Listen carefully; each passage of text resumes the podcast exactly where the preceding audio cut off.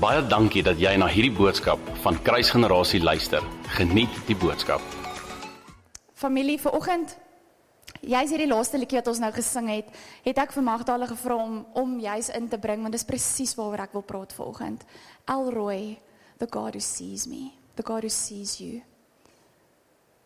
Nou daar's een vrou, een persoon in die Bybel wat hierdie amazing openbaring gehad het en ek weet nie of julle weet wie dit is nie, maar ek wil begin met haar verhaal vanoggend en dit is in Genesis 16 vers 1 tot 14 en dis die verhaal van Hagar.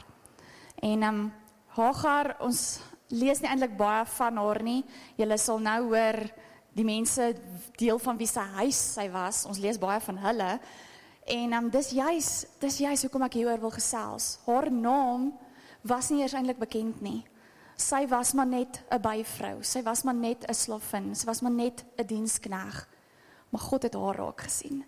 En um, dit maak nie saak wie jy is of waar jy werk of waar jy vandaan kom nie. God sien jou raak. Jy hoef nie die bekendste persoon in hierdie dorp te wees nie. God ken jou. En dit maak saak. Jy hoef nie die meeste Facebook vriende te hê, Instagram followers te hê. Um by alles in die dorp of in die kerk of by die skool of op, op al wat 'n raad is te behoort nie, want God ken jou en dit is wat saak maak. So ek wil vir ons lees. Um miskien moet ek nog net 'n bietjie agtergrond gee wie Hagar was. So Hagar was Abraham se byvrou. En julle almal weet, ons almal ken die storie van Abraham en Sarai voor hulle name verander het na Abraham toe en Sara Sara toe. Was dit Abraham en Sarai? En uh hierdie twee mense was al ver gevorderd in hulle lewensjare, het nie kinders gehad nie. En hier kom Sarai en sy besluit hierdie vat nou te lank ek gaan 'n plan maak en haar plan behels toe Hagar. So sy gee toe haar dienskneg vir Abraham as 'n byvrou en Hagar word swanger met Abraham se kind. Dit was nie die kind van die belofte nie. Onthou die kind van die belofte was Isak. Dit is Sara en Abraham se seun. En maar voor Isak gebore is, word sy halfbroertjie dan met ander woorde gebore en sy naam was Ismael. Maar ek wil vir julle lees van vers 7 af. Um Sarai en Hagar beklei toe. Sarai behandel haar baie sleg en Sarai en Hagar vlug wildernis toe. Sy hardloop net weg. En um ek dink baie van ons het dit al gedoen, weggehardloop van omstandighede af. Weghardloop dalk van die Here af, maar hy is die God wat ons sien. So hy kry ons. Maak nie saak daar waar ons hardloop of daar waar ons dink ons gaan wegkruip nie. God kom haal ons daar uit. Hy kom kry ons daar vers 7. Ek gaan dit in die Engels Engels lees. Dis in die Christian Standard Bible en ek het juist hierdie vertaling gekies eintlik vir die laaste deel van die van die skrif wat ek gaan lees. The angel of the Lord found her, dis nou vir Hagar, by a spring on the way to Shur. He said, Hagar, slave of Sarai, where have you come from and where are you going? Kila rolletjie Dit is so country raggeltjie where you come from where you go. Nee nee nee, daai liedjie, dit klink amper soos dit. Okay, maar het jy geweet God vra jou partykeer, "Waartoe gaan jy?" Waar kom jy vandaan en waartoe gaan jy? Alraight. Nou, hoekom sal God dit vra? Hy weet dan alles. Dit is altyd vir my interessant hoe die Here die mens benader. Okay, en hoor hoor Hagar se se response. She replied, "I'm running away from my mistress Sarai." So hy vra vir haar 'n vraag wat twee antwoorde nodig het. Waar kom jy vandaan en waarheen is jy op pad? En sy antwoord hom net waar sy vandaan kom. Nou my implikasie, my redenasie as ek dit moet uitlê of verklaar, sy het nie geweet waartoe sy gaan nie, dis hoekom sy hom nie geantwoord het nie, want sy het net gevlug. Gae baie keer vlug ons, ons het nie 'n idee waartoe ons gaan nie.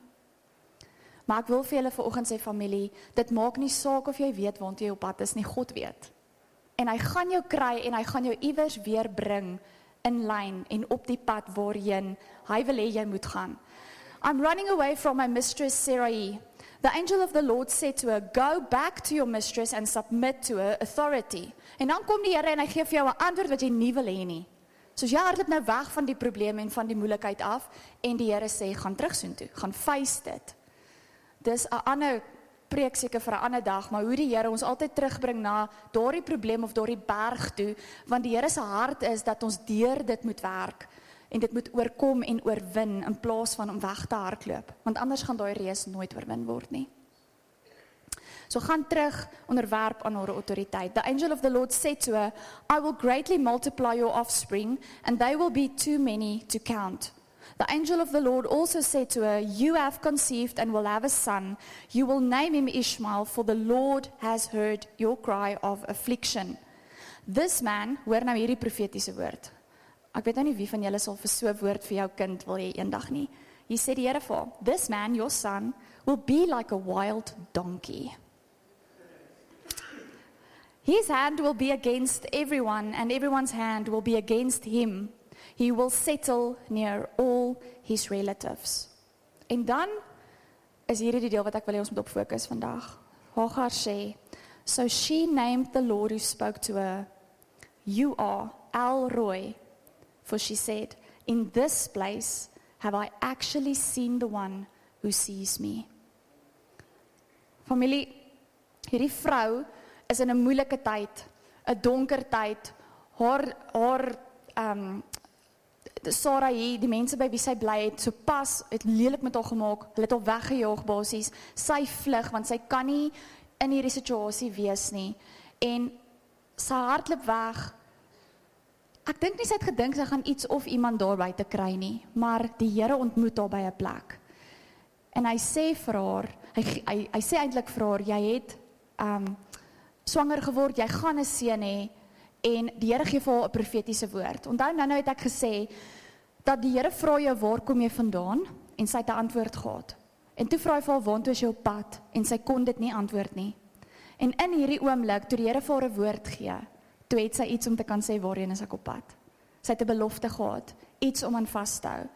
En ek wil vir oggend vir julle sê, as jy nie weet waarheen jy op pad is nie, sit by die Here en kry 'n woord, kry 'n belofte, want dit skep hoop vir jou toekoms. Dis iets waaraan jy kan vashou. Nie wêreld so goed nie. Wêreld so goed is verganklik. Wêreld so goed is korrup. Wêreld so goed kan niks vir ons bied vir die ewigheid nie. Maar wanneer jy aan God se woord vashou, sal jy altyd hoop hê vir die toekoms. Jy sal altyd vorentoe kan gaan. Jy sal altyd weet waarheen of in ten minste in watter rigting om in te gaan. So terwyl sy nie weet waarheen sy op pad is nie, gee hy vir haar 'n belofte vir haar toekoms en hy noem haar op haar naam ook die hele tyd. En sy kon respond. Sy kon op die ou einde sê, "Have I actually seen the one who sees me?" Familie, die oomblik wat jy God gaan erken vir wie hy is, gaan hy jou oop maak gaan jy sien. Ons wil eers sien en dan wil ons hom erken. Ah. Uh -uh. Onthou die koninkryk van God is juis daai agterste voor om koninkryk. Hy wil eers sê jy moet hom acknowledge, erken hom vir wie hy is. En dan sien jy dit. En dis presies wat hier met Hagar gebeur het. Ek hoop julle wil die Here sien. Julle lyk vir my so 'n bietjie nie of julle weet of julle wil nie. Kan gaan nou praat oor dit is nogal 'n vrees aanjaande ding om die Here te sien, veral as jy weet hoe sy oë lyk. Um dan dink ek nie wil almal daarin vaskyk nie, maar ek gaan jou probeer lus maak vandag met alles in my. Die New King James vertaling daai laaste deeltjie sê you are the God who sees. Sy erken en sy maak hierdie verklaring van wie hy is. Sien ons wil baie keer hê God moet op ons manier kom optree of op ons manier kom deurkom of ons wil ons het eintlik 'n antwoord in ons kop van hoe ons wil hê die Here ons moet antwoord weet nie of dit al met jou gebeur het nie. Soos mens bid vir iets, maar jy het klaar die antwoord en die Here moet net dit sê. Dan bevestig hy dit mos nou. Glad nie hoe dit werk nie. Dis glad nie hoe dit God kom bevestig nie jou antwoord nie. Hy bevestig sy eie antwoorde. En ons moet net leer om hom te erken. Want die oomblik as ons dit doen, die oomblik as ons dit in ons harte uitmaak sonder enige twyfel, U is die God wat my raak sien, dan gaan jy hom sien. U is die God wat genees soos hol uit hol uit maar dalk as hol al hy goed uit. As jy dit erken sonder enige twyfel is die geleentheid daar. God het nie karakter flaws nie.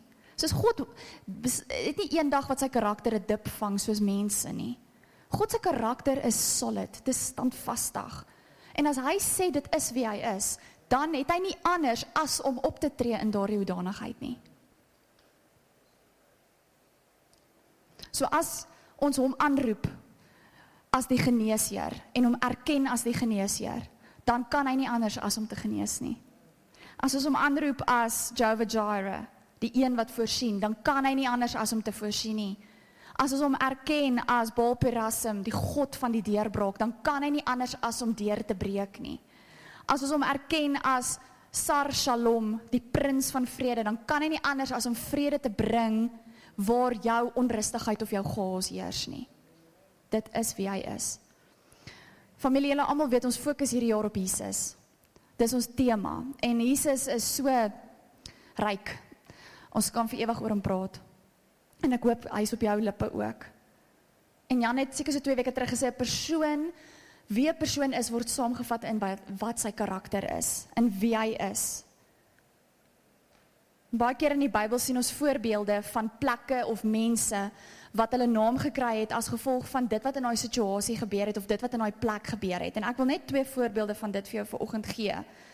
Die eerste is 'n voorbeeld van 'n plek in Genesis 28 waar Jakob 'n droom het van 'n leer wat van die aarde tot in die hemel ingaan en engele op en af op hierdie leer beweeg.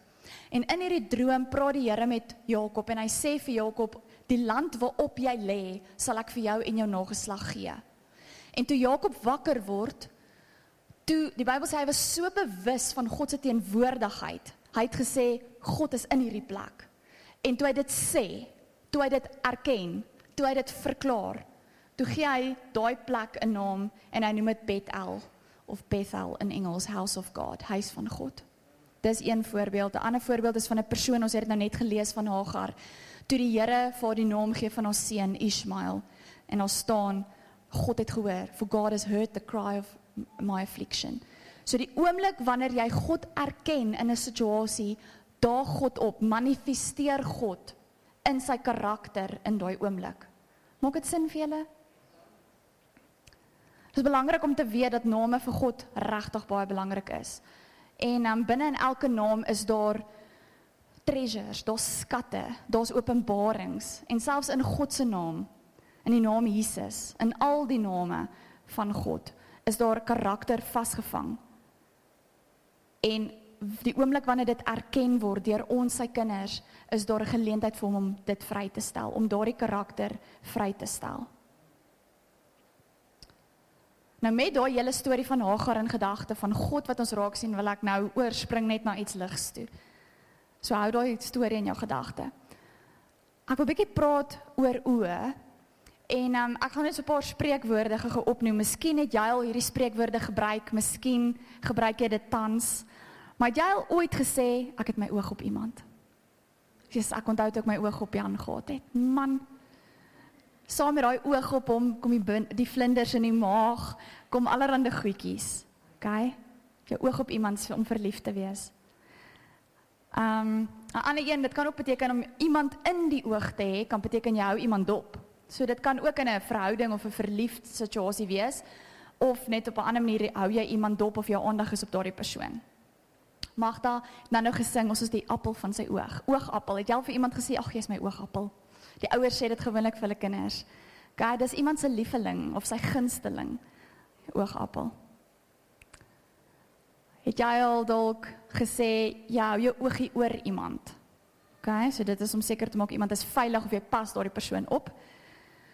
Jy sien reg deur my. Het jy al dit gehoor of iemand het al vir jou gesê of jy het dalk baie keer sê die kinders dit of partykeer as Jan as ons gesels en ek sê dalk nie wat ek dink nie, dan weet hy dit en dan dan sê ek jy ooh, jy sien dit, jy sien reg deur my. Vrouens wil nie altyd alles sê nie, die mans moet dit net weet. OK, hulle moet dit net weet. Alraai, so jy sien reg deur my. Um uiteindelik 'n slegte konnektasie, dit dit kan nogal oorkom asof jy iemand aanklaend of afkeerend aankyk. Wat die oog nie sien nie deur die hart nie. So dit waaroor jy nie um of jy's nie bekommerd oor iets wat jy nie sien nie. OK? Uit die oog, uit die hart. My ma het altyd dit vir my gesê. As 'n um, kerel in my hart gebreek het. Ag, my kind, uit die oog, uit die hart.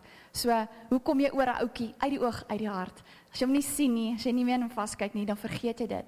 As jy nie meer raak gesien word nie, um, of as jy nie meer iets spesifiek sien nie, dan vergeet mense dit op die einde van die dag. Hierdie is algemene Afrikaanse spreekwoorde in ons taal en eintlik kan mens dit alles so vergeestelik as jy ook wil. Maar daar's ander goed ook wat praat van 'n oog. En ek wil net ek wil eintlik net hierdie fondasie kom skep van hoe belangrik 'n oog is vir die Here. OK, en dan gaan ek nou-nou praat oor hy is die God wat ons raak sien. Het julle al gesien as daar 'n storm kom, dan praat hulle van die oog van die storm. Het julle dit al gehoor? Of selfs as jy as jy dit op die op die weervoorspelling kyk en jy sien die sikloon of die um tyfoon of die hurricane, dan is dit klomp wit wolke, maar aan die binnekant is daar swart kol. Daai is die oog, die middelpunt. Selfs in 'n tornado, die middel praat hulle van 'n oog. Um die tannies wat naaldwerk doen, die oog van 'n naald. Het julle dit al gehoor? Kyk, dis die gaatjie wat deur die garing gaan. Die oog van 'n alarm. Ons sê altyd hierdie hierdie oogie jou gevang. Maar dan sit daai rooi kolletjie, die sensortjie op die alarm. So ons het baie spreekwoorde of goedjies waarna ons verwys as die oog. Familie, ek wil vir jou gou hierso lees hoe hoe diep die woord van God is en hoe belangrik dit is om die woord van God te bestudeer want as ons nie gaan dit bestudeer nie gaan ons hierdie tipe skatte miskyk en mislees. In Genesis 16 vers 7 waar die engel vir Hagar gekry het. Ek gaan net weer daai versie lees. The angel of the Lord found her by a spring. Die Hebreëse woordjie vir spring daar beteken the eye of the landscape. Nou, ek weet nie wie van julle was al in 'n woestyn nie, van 'n wildernis nie, maar ons praat eintlik in ons Afrikaanse taal praat ons van 'n oase. Is die plekkie waar water is waar jy kan gaan en waar jy darm nog daai watertjies kan kry wat jy nodig sal hê. Nou 'n spring of hierdie oog van die landskap is 'n natuurlike bron van lewende water. En as mens bietjie 'n studie gaan doen oor wat dit beteken, dan beteken dit vier goed. It is a place of divine encounter. En hoe toevallig is dit? Hagar hardloop weg. En waar kry God haar? At the place of divine encounters. Dit beteken ook 'n place of access. Aan die ander woorde toeganklikheid. Daar ontmoet God haar. Nou in die ou dae, in die ou tyd, was daar soveel wette. Mense mag nie self met God gepraat het nie. Hulle moes deur die hoëpriester met God praat. En dankie tog Jesus het daai vir ons kom kom wegvat. Ons het self toegang tot hom. Maar in daai oomblik ontmoet God vir Hagar at the place of access. Dit beteken ook 'n place of supply, met ander woorde verskaffing of voorsiening. Hagar het iets nodig gehad daardie dag. Sy het erkenning nodig gehad. Sy het nodig gehad dat iemand haar raak sien, dat iemand haar haar trane raak sien. En God ontmoet haar daar. En dan beteken dit ook 'n place of beauty hierdie spring, hierdie eye of the landscape. Nou ek lees nie die Bybel en sien nie God of enige iets wat hy sê of doen of as toevallig of vanselfsprekend nie. Dit is nie toevallig dat hy al by die oog van die landskap ontmoet en daar sien sy hom en hy sien haar nie. Dis nie toevallig nie. So ek wil vir oggend regtig ons kom ons fokus kom bring op wat ons sien en hoe God sien sien baie keer is ons fisiese oë so verblind. Dalk nie letterlik nie, maar ons ons sien, ons probeer ons worship, ons probeer God raak sien want almal hierbo praat altyd van kyk in sy oë. Sy oë is vuur. Gaze upon him, behold him. Maar ons weet nie hoe nie. Want ons weet nie wat dit beteken nie. Ons weet nie hoe dit lyk nie. Gaan ek hom met my regte oë sien? Gaan ek hom in die gees sien? Gaan dit 'n droom wees? Gaan dit gaan ek uit my liggaam uit gaan en hom sien? Soos dit dit voel partykeer so oorweldigend. En ek wil net vir oggend eintlik dit kom eenvoudig maak. In die fisiese is ons oë seker ons sintuig wat ons die meeste gebruik.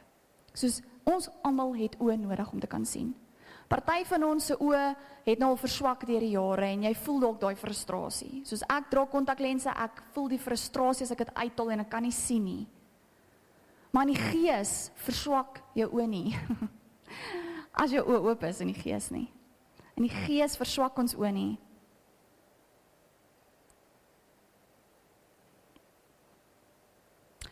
God het ons met oë geskape vir 'n rede. Want hy wil hê ons moet nie net hier sien en om ons sien hy wil hê ons moet daar sien. Julle is baie stil. Ek weet nie of julle nie daar wil sien nie. Die punt is God oë is vir God belangrik. Okay, dis die punt vir oggend. Daar's oë op die aarde en daar's oë in die hemel. So ek wil gou praat oor hierdie oë. Die oë op die aarde is natuurlik ons oë, mense se oë. wat ons in die eh, wat wat wat hier op die aarde is. Maar dan sê 1 Kronieke 16 vers 9, want die Here sy oë deurloop die hele aarde om diegene kragtig te steun wie se hart onverdeeld op hom gerig is. So God se oë is ook op die aarde. OK, volgens hierdie skriffie. Dan die oë in die hemel is natuurlik God se oë in die hemel want hy is in die hemel. Maar dan sê Openbaring 4 vers 8 en die vier lewende wesens wat nou om om sy troon is, het elkeen homself ses vlerke en hulle was reg rondom en van binne vol oë. So daar's oë in die hemel. Terwyl die aarde vol oë is en die hemel vol oë is, familie, is dit God se begeerte dat jou oë ook in die hemel inkyk. Dis sy begeerte dat jou oë in sy oë vaskyk. Niemand is nog opgewonde nie. Ek doen niks verkeerd. OK, net ek en Jan wil in Jesus se oë vaskyk, lyk like dit vir my. Alraight. Goed. Hy wil hê ons moet in die hemel kan insien. Hy wil hê ons moet in sy oë kan vaskyk. Soos Hagar verklaar het, wil die Here ook hê ons moet kan sê I have actually seen the one who sees me. Nou daar's net 'n paar mense in die Bybel wat Jesus of God se oë gesien het, wat letterlik face to face ontmoetings gehad het. Ek kon net 6 mense kry.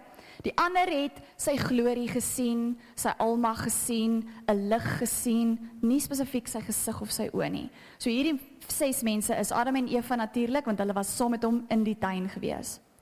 Moses, ons lees dit in Numeri 12, Daniel, Daniel 10, Johannes wat nou net daai versie geskryf het wat ek nou net gelees het, um, want hy het hierdie openbaring gehad van die hemel en dan natuurlik Jesus self.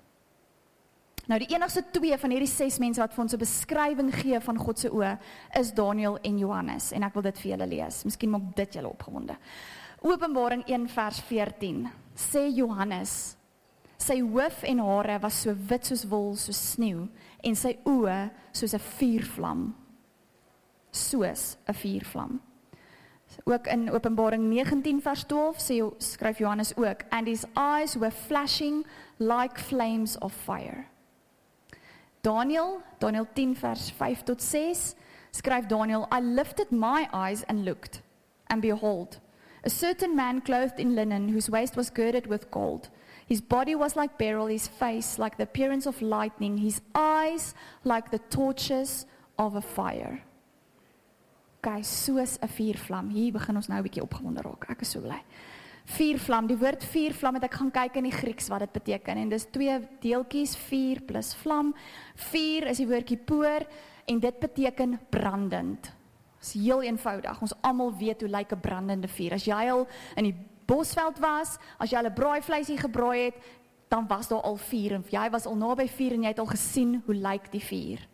Die woordjie vlam is die woordjie floks en dit beteken flikkerend of warrelend. So met ander woorde familie, sy oë is soos 'n brandende, flikkerende, warrelende vuur. OK, sy oë is nie dit nie. Sy oë is soos dit. Dis nogals iets belangrik. OK? Gaan nou daarby kom, maar ek vra vir die Here, Here, hoekom vuur? Hoekom nie hartjies nie? Hoekom nie goud nie? Hoekom nie water nie? Hoekom vuur? En ek gaan kyk bietjie wat beteken en simboliseer vuur in die Bybel en oor die algemeen.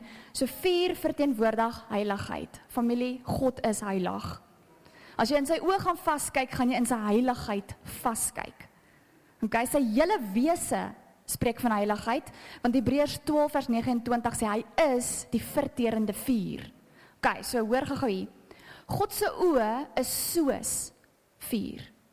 Maar hy is die verterende vuur. Dit voel vir my partykeer ons is bang vir God se oë. Ons ons wil kyk maar ons jo, ons is bang, ons weet nie wat ons gaan sien nie, want daai oë van vuur. Nee, sy oë is soos vuur. Met ander woorde, dit het die karakter van 'n vuur. Gaan nou praat oor dit. Maar God is die verterende vuur. So ek as ons wil bang wees, moet jy bang wees vir sy oë nie. Wees bang vir hom. OK, en nie bang dat jy nie by hom wil uitkom nie. Dis daai vrees, daai o, oh, daai mesmerizement, daai jy's vasgevang in dit. Dis wow. Daai respek, daai eerbiedigheid, dis waaroor dit gaan. Sy oë is soos 'n vuurvlam. Dis nie letterlik 'n vuur nie of dit word nie uitgebeeld soos as jy nou in Jesus se oë gaan vaskyk, gaan jy nie vlamme sien wat te kere gaan nie. As hy dit vir jou so wil wys, dan kan hy, want hy is God. Hy kan doen net wat hy wil. Ek wil net hê ons moet probeer 'n prentjie vorm sodat in plaas van vrees dat daar 'n soeke sal wees na dit. Ek het gesê sy oë het die karaktereienskappe van vuur. En soos wat ek bietjie navorsing gedoen het, kon ek agterkom daar's vier karaktereienskappe. 'n Vuur, heel eerste is verterend. Okay, so dis een karaktereienskap. 'n Vuur kan vernietig, dis die volgende karaktereienskap. Die karakter van 'n vuur is om op te gebruik en die vierde ene is om die aandag van iets heeltemal te absorbeer. So familie, vanoggend wil ek vir jou sê God se oë het die vermoë om te verteer. Sy oë het die vermoë om te vernietig. Sy oë het die vermoë om op te gebruik en sy vermoë sy oë het die vermoë om al die aandag van iets of iemand te absorbeer. Vanoggend toe ek begin het toe sê ek, hierdie gaan nie oor ons nie. So as die aandag op my is, moet ek juis in sy oë kyk laat hy die aandag absorbeer. Want dit gaan nie oor my nie. Dit gaan nie oor jou nie. Dit gaan nie oor hoe het ons nou lekker gesing? Is dit warm? Is dit koud? Hoe voel ons? O nee, jy was al weer nie koffie nie. Wara wara. Dit gaan nie oor ons nie. Dit gaan oor wat kom doen ons hier vandag? Wat bring ons? Kyk ons in sy oë in sodat hy ons kan verteer, sodat hy ons aandag wat op ons is ten volle kan absorbeer. Dis waaroor dit gaan. Nou, ek weet, hierdie klink eintlik nie reg nie. God is dan 'n God van liefde. Hoekom wil hy ons verteer? Wie wil verteer word? Niemand. Wie wil vernietig word? Niemand. Wie wil opgebruik word? Ons sê altyd moenie my gebruik nie of my misbruik nie. Niemand wil opgebruik word nie. Wie wil nie aandag hê nie? Ons almal wil aandag hê. Ons is mense. Nou wat beteken dit julle? As God dan al daai goed is en wil doen, wat gaan oorbly van ons? Soos dis wat ek vir die Here vra, Here, wat gaan oorbly van my? Jy sien my dan raak en jou oë doen al hierdie goed. Wat bly oor? Sien familie, ons verstaan nie wat hierdie goed beteken nie. Want ons is te besig in ons eie lewens met ons eie dinge en ons is bang. Ek dink dit is Christene, dis kinders van die Here se grootste probleem, ons is bang omdat die goed vir ons onbekend is. Ons is bang hy sien dinge wat ons nie wil hy moet sien nie. Ons is bang kom God kom en hy wil goed uit ons lewe kom uithaal wat eintlik vir ons klein trosies is en redes en dis my verskoningetjies en dis my siekte en dis my depressie en dis myne en dis myne en dis myne. Jy sien, God se oë wil daai goed verteer. God se oë wil daai goed verteer. Ons sondetjies wat ons so koester. Wat ons dink ons doen in die donker. Wat nie uitgespreek ons is nie uitgesproke daaroor nie. Ek dink hoe kan ons nou vir enige iemand sê ek het 'n drankprobleem? sien daai tipe goed dis ons sondetjies wat in die donker is en dis dit wat God wil kom verteer. Dis dit wat hy wil kom absorbeer. Dis die dinge wat ons weet wat nie reg is nie, waarmee ons sukkel, familie. Ons sukkel om te breek met sondetjies. Met dinge wat ons eintlik in die geheim doen. Want jy gebeur ons niks wat God nie kan sien nie. Familie, jy gebeur ons niks wat God nie kan sien nie. Daar's nêrens waar sy oë nie kan sien nie. So ons dink ons doen goed in die donker of in die geheim en God sien dit. Hierdie goed, ek weet, hierdie goed is eina. Toe ek hierdie dit is eina. Want ons wil so trots en tog so geestelik wees en dink, "Ag, oh, ek het nie sulke goed nie. Ek het nie sonde wat in die donker is nie." Ons almal het familie. Ons almal is onheilig. Ons het onheilighede in ons in ons lewens. En die uitnodiging is vir oggend, sy oë verteer dit. Sy oë vat dit weg. Vat daai goed weg. Dit vat nie jou weg nie. OK, jy gaan oorbly. Dis die goeie nuus.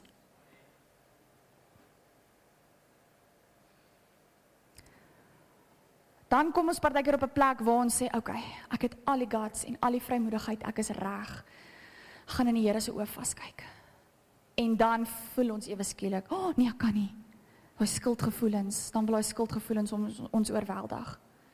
Of daai minderwaardigheidskompleks wat sê nee, maar ek is nie waardig, ek is nie goed genoeg nie. Die Here wil nie na my kyk nie. Ek is vuil, ek is 'n sondaar. Ek doen alles verkeerd. Ek het ver oggend op my man geskree. Die Here kan nie nou met my iets doen nie. Ek moet dit eers gaan uitsorteer. Klink dit bekend familie? Ons almal maak sulke verskonings voor die Here. Nêrens in die Bybel staan daar. Eintlik moet ek hierdie voorbeeld van my man gebruik.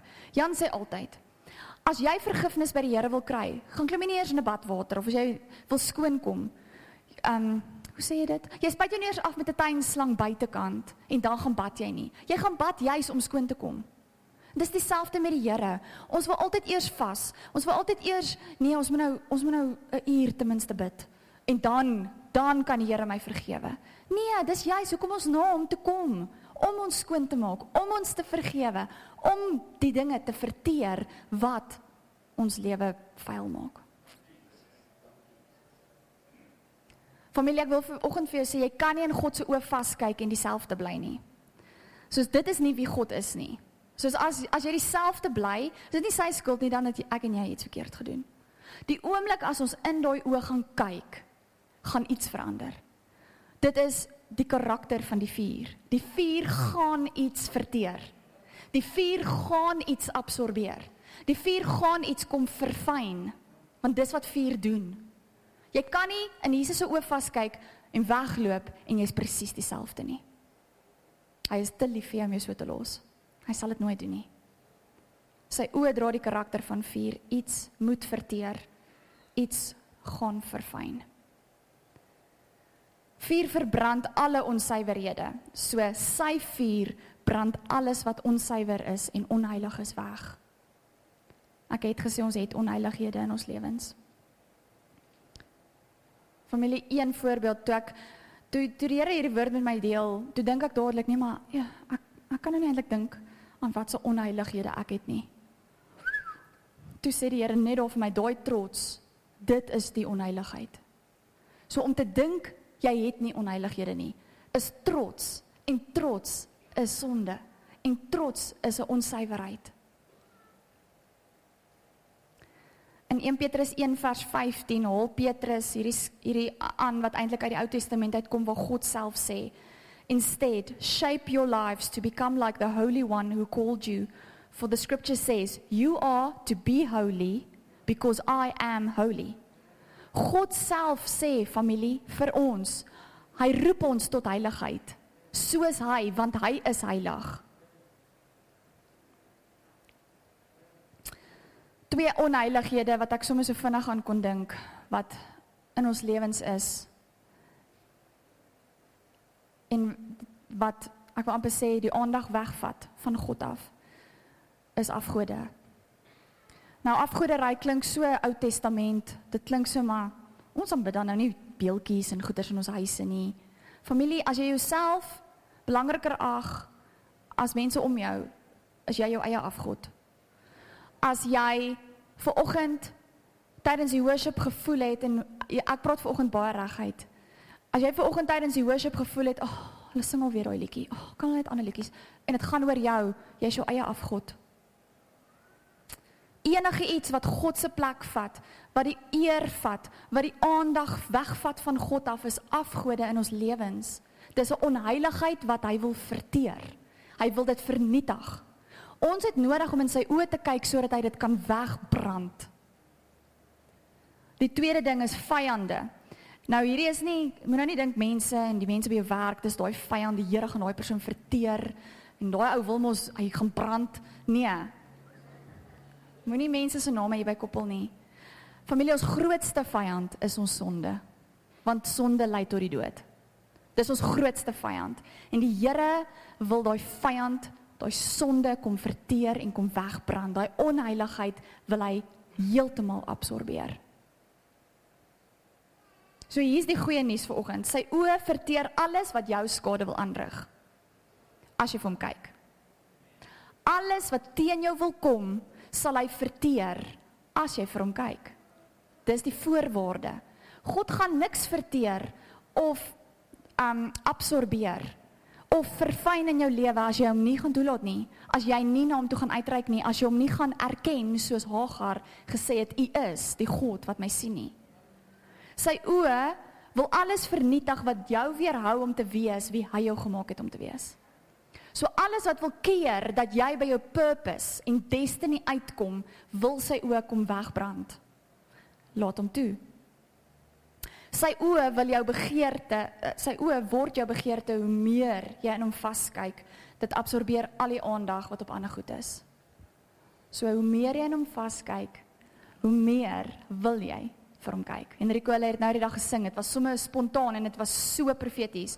Hoe meer ek vir U kyk, hoe meer wil ek vir U kyk. Dis hoe dit werk. Dis nie hoe meer ek vir U kyk, hoe meer gaan ek kry nie. Of hoe meer ek vir U kyk, hoe groter word ek nie.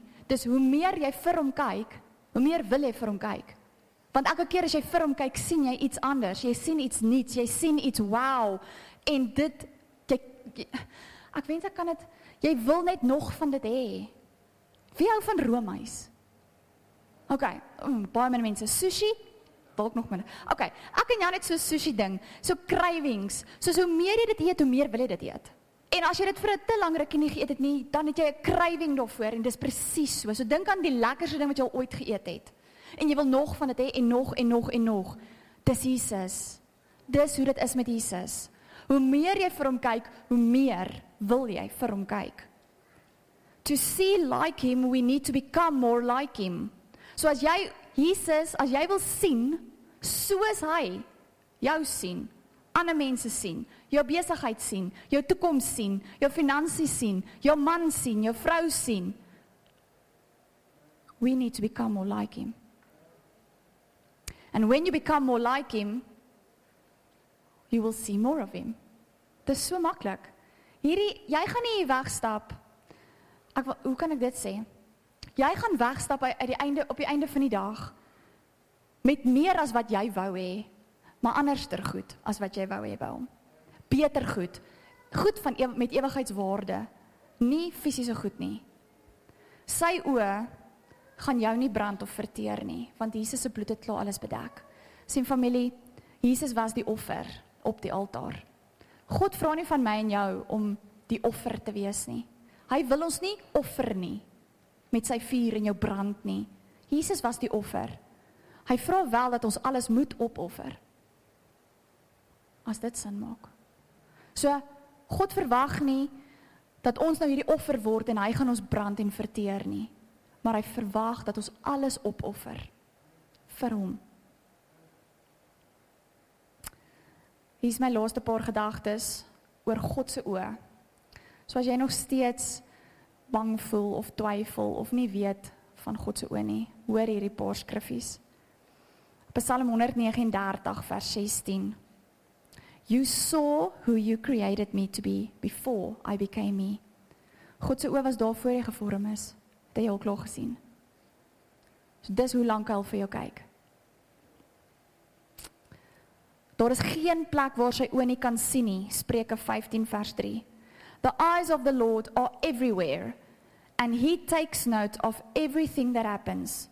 He watches over his lovers, met ander woorde sy kinders en die wat tyd saam met hom spandeer. And he also sees the wickedness of the wicked.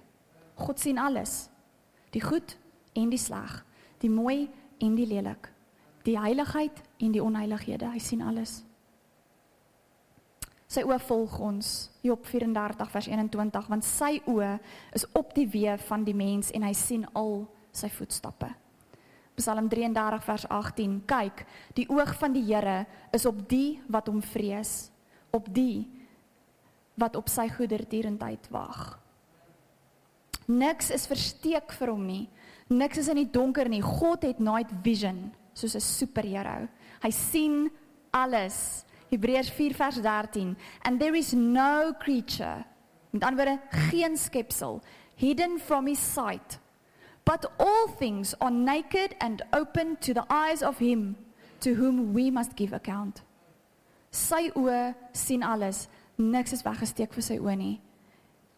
Sy oë is ons gids en hierdie is my skriffie waar wat die Here vir my laas jaar gegee het op my verjaarsdag Psalm 32 vers 18:9. Skryf daar wat hy sê I hear the Lord saying I will stay close to you instructing and guiding you along the pathway of your life. I will advise you along the way and lead you forth with my eyes as your guide. En ek het dit nou die dag vinnig gesê familie. God se oë kan slegs my gids wees as ek in daai oë kyk. Want hoe gaan ek sien waar sy oë my lei as ek nie vir sy oë kyk nie? Kyk vir sy oë. Sy oë lei jou. En dan gaan hy skrif verder en ek het dit eintlik eers hierdie week raak gelees. Dit sê So don't make it difficult. God sê don't make it difficult. Don't be stubborn when I take you where you have not been before. Don't make me tug you and pull you along. Just come along. Is dit nie awesome nie? God sê moenie laat ek jou hier agteraan sleep nie. OK, moenie nou nie hardkoppig en hardnekkig wees nie. Kom net saam so my. Ek het amazing goed wat ek jou wil wys. Sy oë ondersoek ons harte. Psalm 11 vers 4. He is closely watching everything that happens and with a glance his eyes examine every heart. Familie God is nie blind nie. Psalm 94 vers 1 tot vers 6. Die eerste deeltjie praat die heeltyd van die bose en wat die bose alles wil kom doen. En dan kom Dawid vers 7 af en sê hy aan sy vriende, they say to themselves, the Lord doesn't see this. En dan vers 9 dan sê hy, but God isn't blind. He who made the eyes has superb vision and he is watching all that you do. God het superb vision en hy sien alles raak. Familie, hy sien ons verlede. Hy sien ons hede, hy sien die toekoms. En dit moenie jou bang maak nie. Um hierdie moet 'n uitnodiging wees vir elkeen van ons om te wil vaskyk in daardie oë. OK, die oë wat jou so liefhet. So so liefhet dat hy jou nie kan los soos wat jy is nie.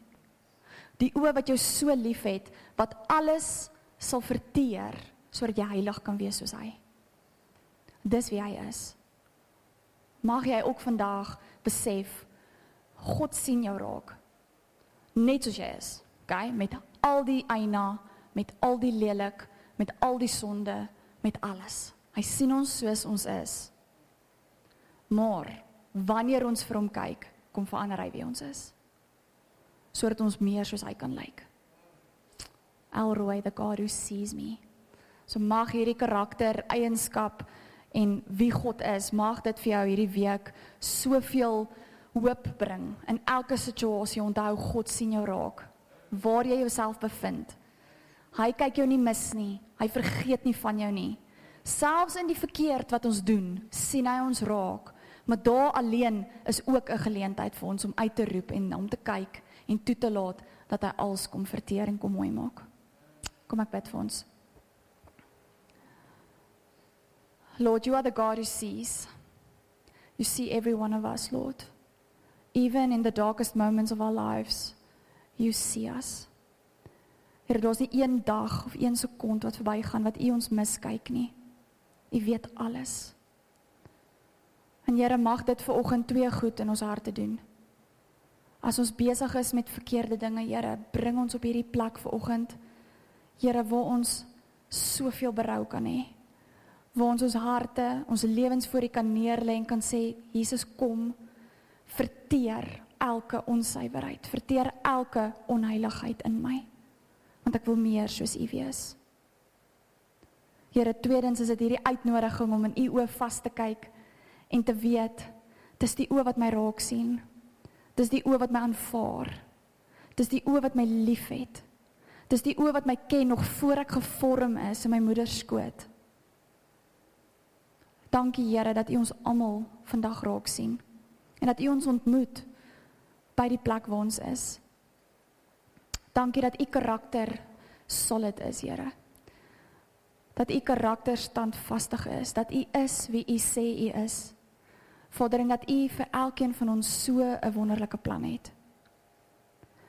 Mag vrees vir die onbekende ons nie wegdryf van U af nie, Here, maar mag ons juis na U toe hardloop om meer te sien, om meer te weet. Mag ons soos 'n kind wees, so nuuskierig, so nuuskierig om te sien hoe lyk hierdie oë van vuur? Hoe lyk hierdie hare wat so wit is soos wol? Hoe lyk die bronsvoete? Hoe lyk die swaard wat uit U mond uitkom? Hoe lyk U, Here? Mag ons daai strewe in ons harte hê om nader en meer by U te wees. Dankie vandag Here dat U elkeen wat voor my sit so kom seën. So kom seën Here en mag U goedheid en U guns Vader visible wees hierdie week in ons elkeen se lewens in die naam van Jesus.